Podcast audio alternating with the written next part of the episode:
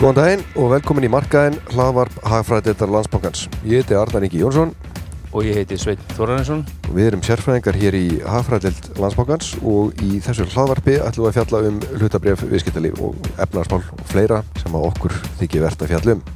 Áður en við hefum þáttin ætlum við að taka fram hagsmunantegns landsbankans við fyrirtæki sem til umfjöldunar eru. Í þættinum er fjallað um festi en landsbankin hefur gert samning um viðskiptavakt með fjármála gerninga festar. Landsbankin stundar regluleg eigin viðskipti með hluti í festi og landsbankin hefur fengið þóknunum frá festi síðislega 12 mánuði vegna fjárfestingar áðgjafar. Einnig er í þættinum fjallað um skeljung en landsbankin hefur gert samning um viðskiptavakt með fjármála gerninga skeljungs. Landsbankin stundar regluleg eigin viðskipti með hluti í skeljungi. Í þættinum er einnig fjallað um haga en landsbankin stundar regluleg eigin viðskipti með hluti í högum. FME er lögbært yfirvald landsbankins. Fulla hagsmunaskráningu og fyrirvara er að finna á umræðan.landsbankin.is skástrygg umræðan skástrygg hlaðvar. Já, Jarnar, Já, svo. það var bara fyrsti þátturinn Fyrsti þátturinn og þetta er kannski að eigða hérna örfáum mínútum í kannski að uh, mögulega útskýra af hverju við erum að þessu og, og Já, til þess að byrja með má kannski segja að megin þungi umfjöldlunar efnisins verður rauninni verbreyðatengt og rauninni bara tengt á almennt markaðinum hérna heima, hlutibrefa og, og jafnvel skuldabrefa markaðinum en svo þetta munum við líka tengja svona hakkfræðileg málefni og, fá ha hakkfræðinga heimsókn og og hagfrænga heimsókn og mögulega fá einhverja aðra góða gesti ef, ef, ef við erum að tala um eitthvað sem að, sem að við getum kannski fengið betri upplýsingur um utan að komandi. Nákvæmlega. En það kemur allt saman bara ljós. Mm Við ætlum að, í raun og veru viðkynna það að það sé árið 2019 og, og allt okkar efni er náttúrulega bara skriflegt og á skrifformi og það, það getur verið erfitt að koma frá sér Öllu sem já, öllu sem við bara viljum að segja öllu sem upplýsingu sem við erum að nota dagstaglega en, en kannski höfum ekki tíma í að, að, koma frá okkur jafn miklu og við myndum annars vilja.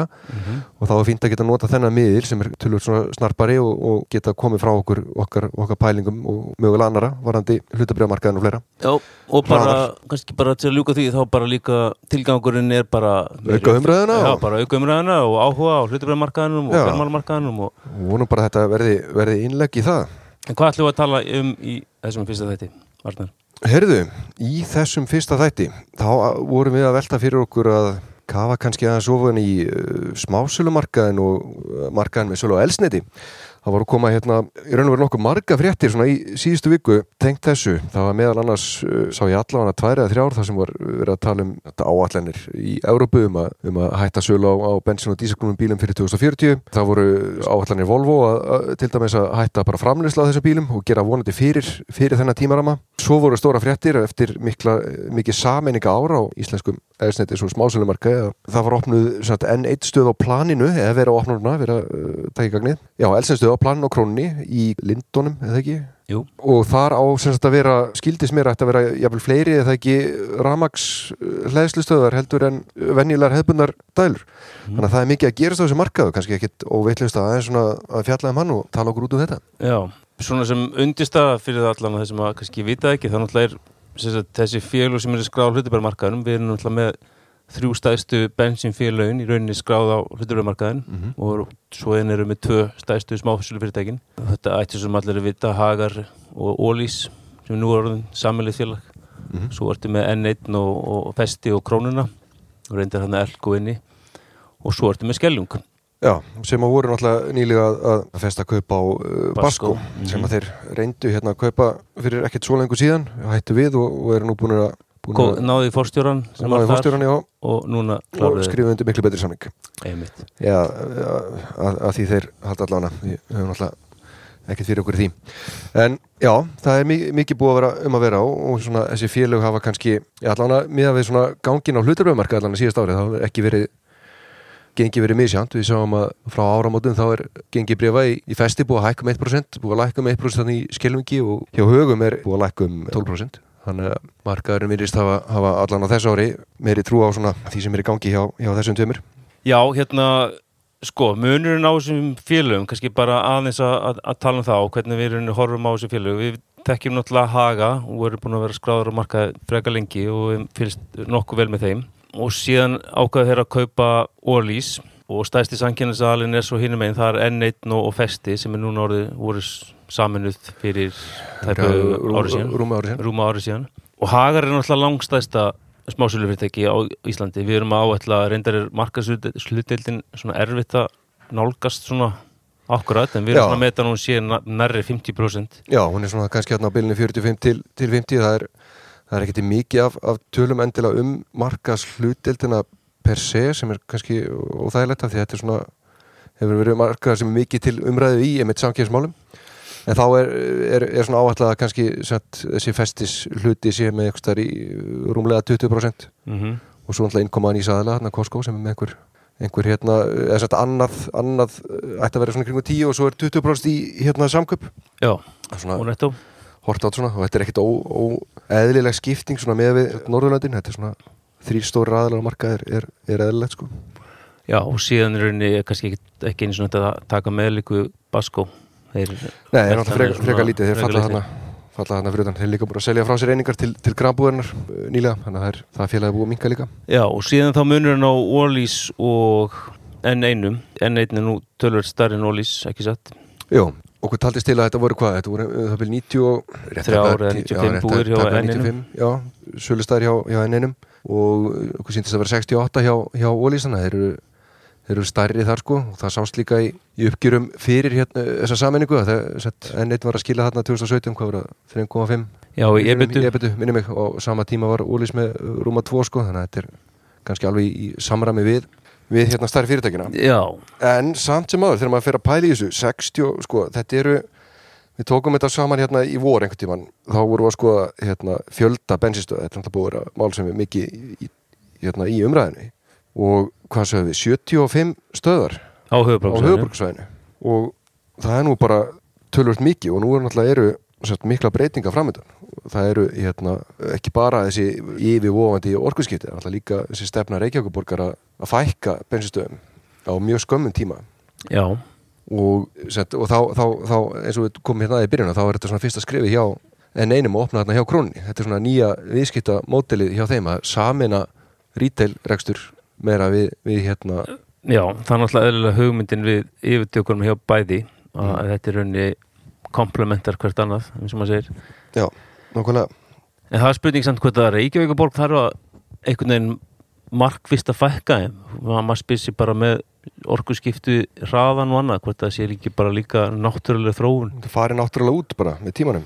Já, sko, ef að mér hefur viðbröð allavega fórstjóra hjá þessum félögum bæði hjá, hjá Festi og svona sem að heyrt hjá hérna, fórstjórum Skilnungs og, og hérna þá Haga líka þá er þetta ekkit einhver þróun sem að kemur þeim óvart eða eitthvað sem þeir eru hrætti við. Þeir vilja náttúrulega freka bara fara í þessa þróun bara aktíft sjálfur, ekki vera þólendur náttúrulega heldur, vera ústirinn úr þá gerendur í þessu og taka þátt í þessu, þessu verkefni fram á við af því að þessi orkugjafi þá sé náttúrulega ekki að leiðin út kannski á morgun eða á næstu fimm árum þetta er er, þetta er orkugjafi sem er svona á, á útleið og horfir yfir lengra tímabil. Hug, hugsanlega í þá heimilisbílunum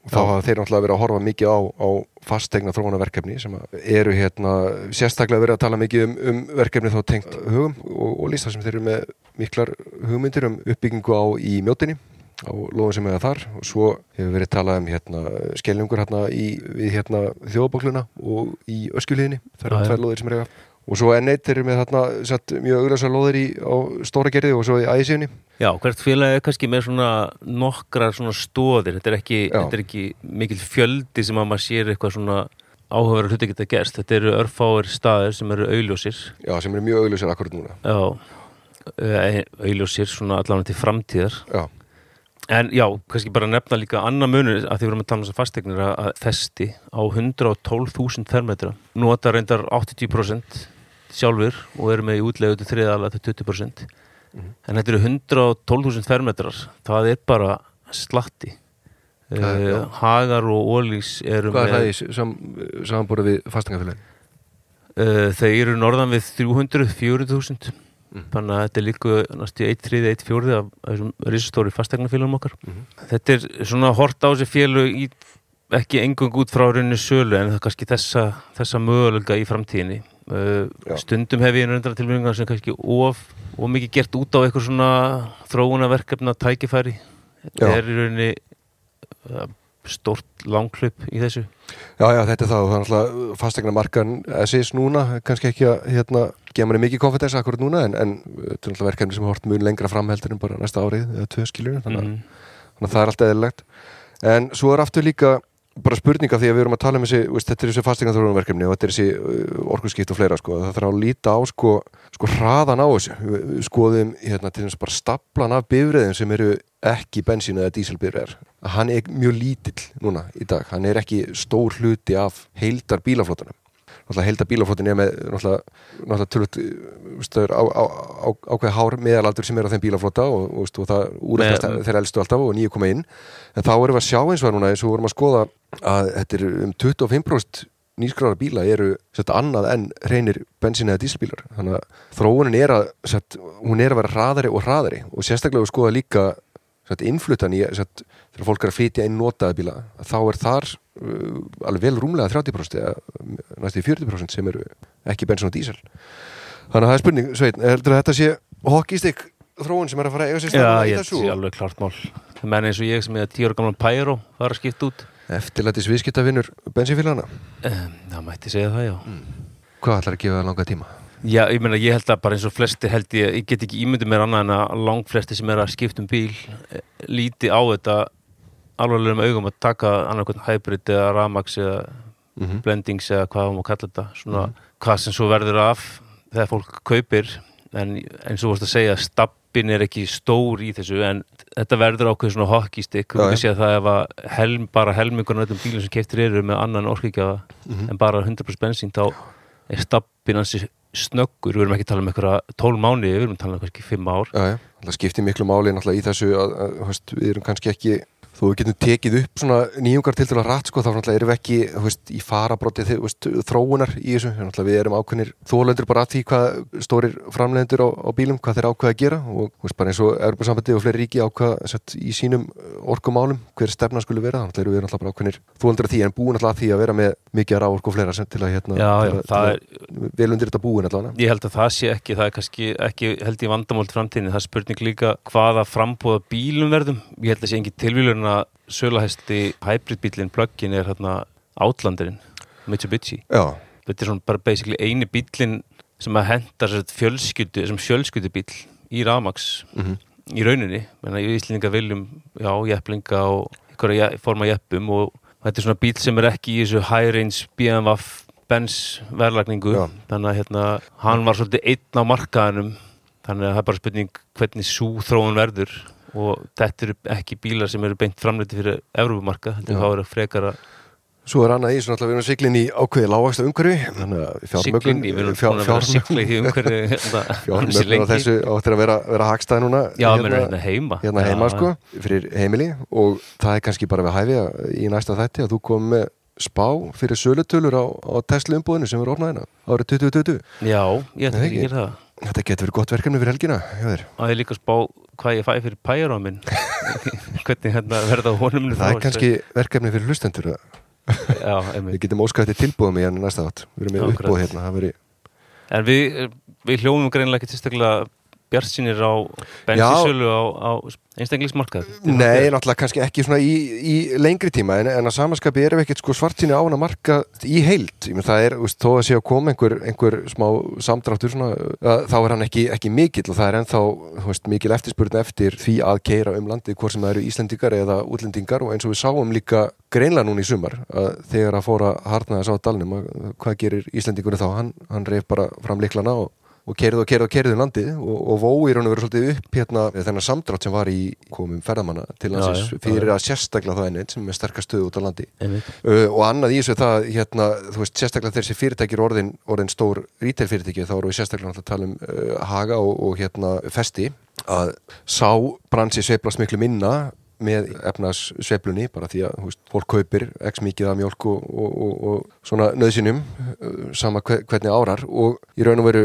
er náttúrulega líka þriðatrið að, að hort fram á að er náttúrulega eins og vorum að tala um gæti verið einhver óeinleistur hagnaður út af fastingaþróunarverkunum það gæti verið mögulega meiri, meira inni hjá félagunum varandi þessar samleið eins og erum að gera hérna með krónu stöðina. Við sjáum það, varst þú ekki að skoða starfsmannafjöldan hjá hugum? Þá var þetta, hvað var þetta? uh, voru ekki kringum 400 manns sérst, árstöðgildi á Já. hvert fyrirtæki það er 400 hjá Bónus 400 hjá Hakup og 400 hjá Ólís Já, og hérna er þetta að koma óvart hvað er margir starfsmenn hjá Ólís og OB og minna 68 Ólís og OB stöðar Já. á landinu og þannig að þó, þó að sko sett þrýstingurinn sé, sé niður á við bara með sparandara bílum og, og, og, og hybrid bílum og, og, og jafnvel með efnaðstásenduna þá, þá eru tækifæri til að selja þessa vöru með, með minni tilkostnaði heldur en, heldur en verið hefur hingað til hjá öllum þessu félögum. Já. Svo náttúrulega þriða félagi sem er náttúrulega allt, allt annað dæmi sem er, sem er skeljóngur sko, sem að er að fara kannski í minnstu ríteileðina af, af þessum félögum eða kaupum á Basko sem er ekki,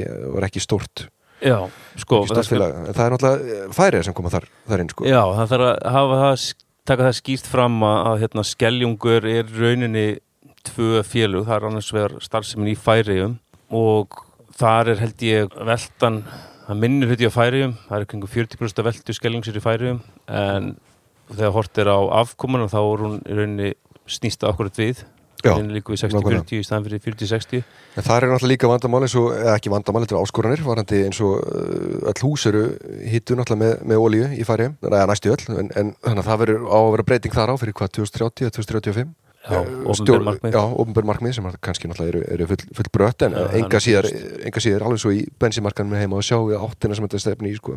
Það er reynda náttúrulega líka alþjóðasala á, á elsniti til skipa hefur, hefur verið að ganga mjög vel og er ákveðin svona vakstabróttur hjá þeim en öll þessi félug, eða sérstaklega skiljangur, þeir náttúrulega hafa keft sér inn í græn fyrirtæki sem að eru að sérhafa sig í lausnum á, á, á sem, sem þeir eru búin að kaupa sig inn í það sem mun taka við af jarðefnælsinn Já, þeir vilja vera leiðandi í þessu tróun og vera með. Já, er þetta sjáum við líka, voru lítil kaup hjá festi líka á íslenskri orkumílun eða einhver álíka, þannig að þetta er, En ég þetta verð er skemmtilega markaður hort, hort fram á við. Já, en, alltaf, en sko. hort samt á skeljung þegar það segja Íslands starfsemi. Og þar er þetta fyrirtæki sem er bara í raunin að selja elsniti Já, Eh, heimkaup líka. Já, ég ætla ekki að segja að maður hafi kannski áhyggjur en þeir svona eru reyna að feta sig átta sig á því að, að, hérna, að til langstíma verður ekki mikill business í að selja elsneiti til einstaklinga og eru reyna að fikra síðan alltaf með kaupinu Basko mm og það voru einhver, einhverja hugmyndir hérna fyrst var, var einmitt að snúa stöðunum í áttina einhver svona,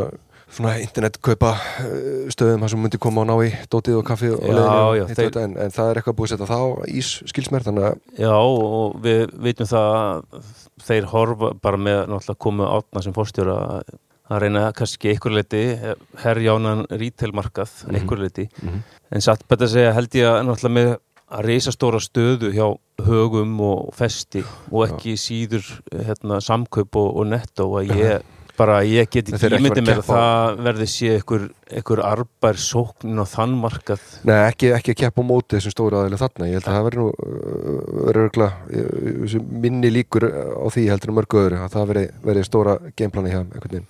Þannig að það verður bara, já ég held að ég, sem, já, ég held að þessi er náttúrulega bara að skoða þessu mál og eru bara í ákveðin stefnumótun og reyna að þykar sér í þessu. Við erum bara að sjá hvað þeir geta gert. Vissulega hvað- kannski held ég í svona nokkuð snúnu, snúnum aðstæðum Já, þetta verður gaman að sjá í framtíðinu og það er kannski spurninga að við reynum kannski að einhvern tíman í, í náinu framtíð líka að fá til okkur einhvern, einhvern sérfræðing á þessum markaði svona til að, til að, Já, það er planið. til að ræða þetta Þau var gott spjall, klárum þessu umræði Nókvæmlega Herru, yfir í næsta mál. Jæja, það var á umræðefni nummer tvö í dag og við erum búin að fá til okkar góðan gest Gústaf Steingrímsson úr Hafræðið landsbókars Velkomin. Takk fyrir. Herriði, við vorum að draga því hingað til að ræða hérna vakst ákvarðanir Sælabankars núna síðan að kom eh, nýr stjóri í brúna núna í ágúst. Nýr að taka við, búin að lækka vexti tvisvar. Og hvernig horfir þetta allt við þér? Er þetta í samræmi með vendingar? Þetta... Já, já, við, við vorum búin að gera fyrir því að bankin myndi lækka vexti núna í ágúst og, og september. Og hérna ég held að það hefði ekkert breytt í neinu sko þó Már hefði verið þarna sko í stað fyrir áskil þannig hann er ekkert svo sem búin að setja neina nýja línu held ég þarna Nei, það var, það var komið ferli af stað þarna sem að, var nokkuð greinlegt með að við þróun efnarsmála og fleira sem... Já, já, ég held að að það hefði ekkert orðið öðruvísi þó Már hefði verið þarna sko, það eru líka vel ekki vexti þarna Mm. alveg eins En hvernig finnst þið svona innkoman hans áskis? bara, bara fín, mér finnst þetta bara svona svolítið fesku blær sko, hann er Mhm. svona hann er svona, leiðið sér að vera meira svona mannlegur og svona léttari á því kannski sem Mannlegir að, sem að mér finnst bara besta mál sko. eins og segir, þetta er, þetta er búið að vera í, í samræmi við svona ykka væntingar varandi stýrivexti og, og hvað er svona helst sem að er að, er að knýja áfram þessa vaksalækna núna? Á? það er bara, þetta er búið að vera bara, þetta er búið að fara að ganga svolítið vel, eða sérst margir þetta sem svona hjálpað selabankunum. Það er náttúrulega verðbrugguvendingarnar hafi verið að lekka. Nú eru verðbrugguvendingar fyrirtækja sem eru svona kannski svona merkilegasti verðbrugguvendinga mælikvarðin sko því að það er nú eins og fyrirtækin sem setja verðið í, í hækjærunu Já, að það er fóruð hann upp í 4% í, í, í desember og, og fyrsta fjörðingi þessu ári. Þannig að uh, meðal hans bara út af árum sem með var óttast kjara samningana og, og, og áhrif að vá og hugsanlegt einhverja gengisaukingu út af því að vá væri að fara sko, mögulega en, en nú eru verðbruggavæntingar fyrirtæki konar í 2,5% hvað fór hann í 2,5% núna í september sem er, er mjög, mjög gott Já. og svo hefur náttúrulega verðbólgan verið að, að trappast aðeins niður og, og, og flesta spár gera ráð fyrir því að, að verðbólgu verðbólgan geti nú bara farið verið nú bara mjög nálátt markmið núna í oktober og, og geti hugsanlega farið undir markmiðið bara núna á næstu mánum eftir það, november, og desember heldur að það verður þá, ef, ef það gerist þá rými til þess að lækka vexti enn frekar eða heldur að verður svona tekið smá Já, pása ég hugsa að verði allavega teki, teknir 25 punktar í viðbót og hérna að því verði, sko, Sælabankin horfur alltaf líka eins í baksinspili, sko, þó hann eigi að horfa, sko, vakst ákvarðin eigi alltaf að taka með því hvað hann heldur að gerist í framtíðinni, af því að hann er alltaf að mæta því sem gerist í framtíðinni. það er ekkit algilt að, að það hefur verið gegnum tíðina. Nei, hann verður náttúrulega, því að óvissan er bara alltaf svo mikið fram á við, hann verður líka að horfa á hvernig verðbólguþróun er, sko, ef, að- þannig að ef að verðbólguþróun er að er hagstæri heldur en hann var að spá síðast að þá er það náttúrulega að gefa það ákveði sigurum til að lækka vexti.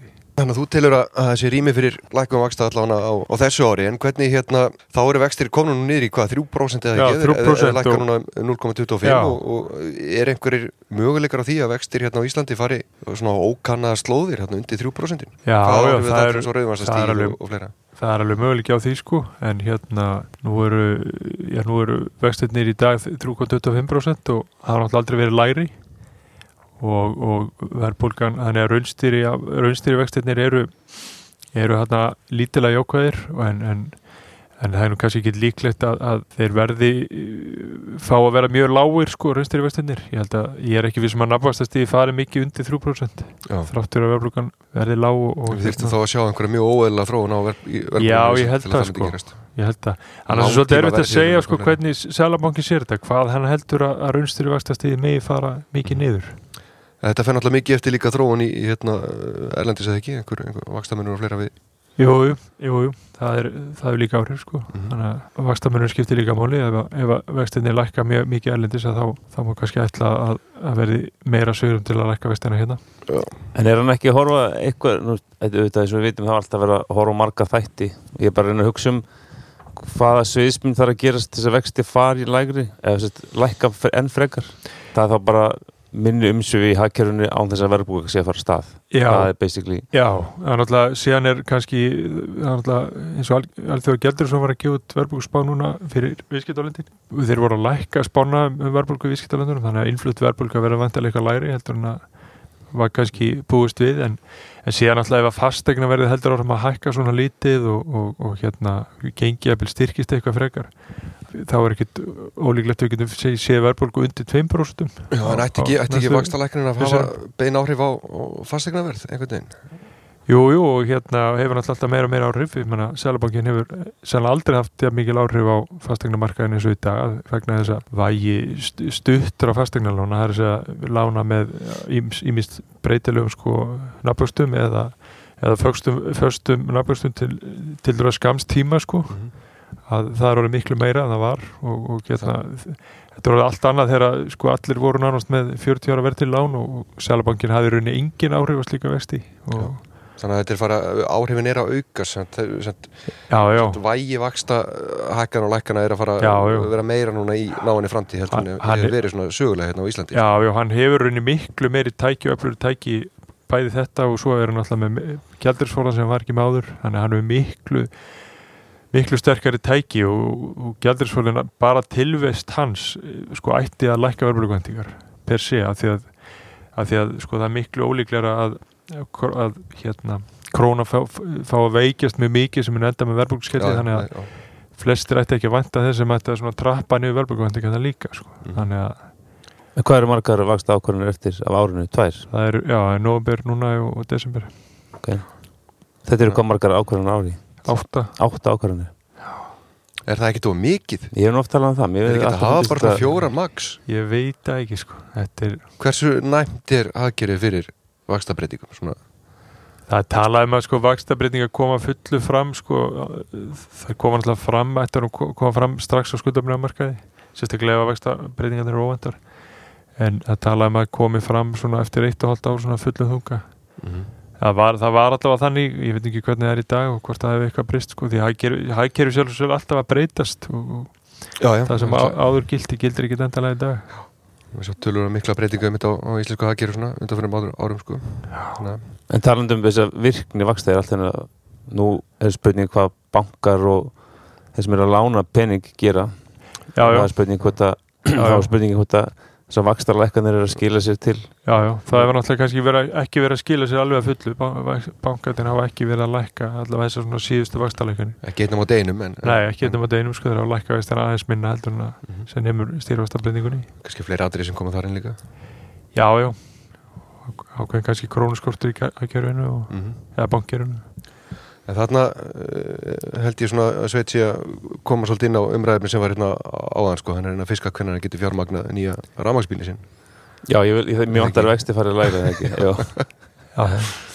En þannig að þetta er, þetta er, við erum að sjá sko allavega uh, út þetta ár líkur á lækkun en, en svo er alltaf bara spurning með eins og bara lengri enn í framtíðina sko, hvernig sjáum við Íslands efnaðarslíf þróast og, og Já, já. erum við að sigla inn í eitthvað umhverfi núna með minni hafvexti og stöðri stýrivöxtum og stöðri velborgu læri heldur en við séð í lengri tíma eða hvað Já, ég held það sko, síðustu svona spár bæði, bæði hagstofu Sælabankans og, og kannski okkar náður svolítið gömul en, en hvað, erum við að sigla inn í eitthvað svona umhverfi núna? Já, við teljum það sko, við teljum þetta verði náttúrulega mjög þægileg lending núna, þetta verði nú bara tiltölu lítill samdráttur sem að sem að flest heimili munni lítið finna fyrir, það er nú kannski helst helst, helst sko heimilin sem að lendi í atvinnleysi, Já. en öðru, önnur er ekki, ætti ekki að vera að finna fyrir þessu, en við erum svona að gera ráð fyrir því að hort fram á veginn, þá verði þetta að vera svona verði það að gera við svona að matla upp á við aftur, svona hægum, hægum vexti. Við tökum þetta kannski betur upp uh, setna, það er, er ekki verðt að minnast að það, miðvikudaginn 30. oktober þá er byrt ný hagspá hafræðleitar í, í hljóver úr, Já, já. úr miðri spákjör það er gaman að sjá hvernig fyrir Já, við fáum Gústa aftur og, og ræðum það þegar það verður byrt. Herru, takk hjálpa fyrir komuna Það Já. geggjað. takk fyrir Já, Ernar, þá bara fyrsti þátturinn búinn. Takk fyrir okkur. bara Takk fyrir okkur og takk fyrir að hlusta. Takk fyrir næst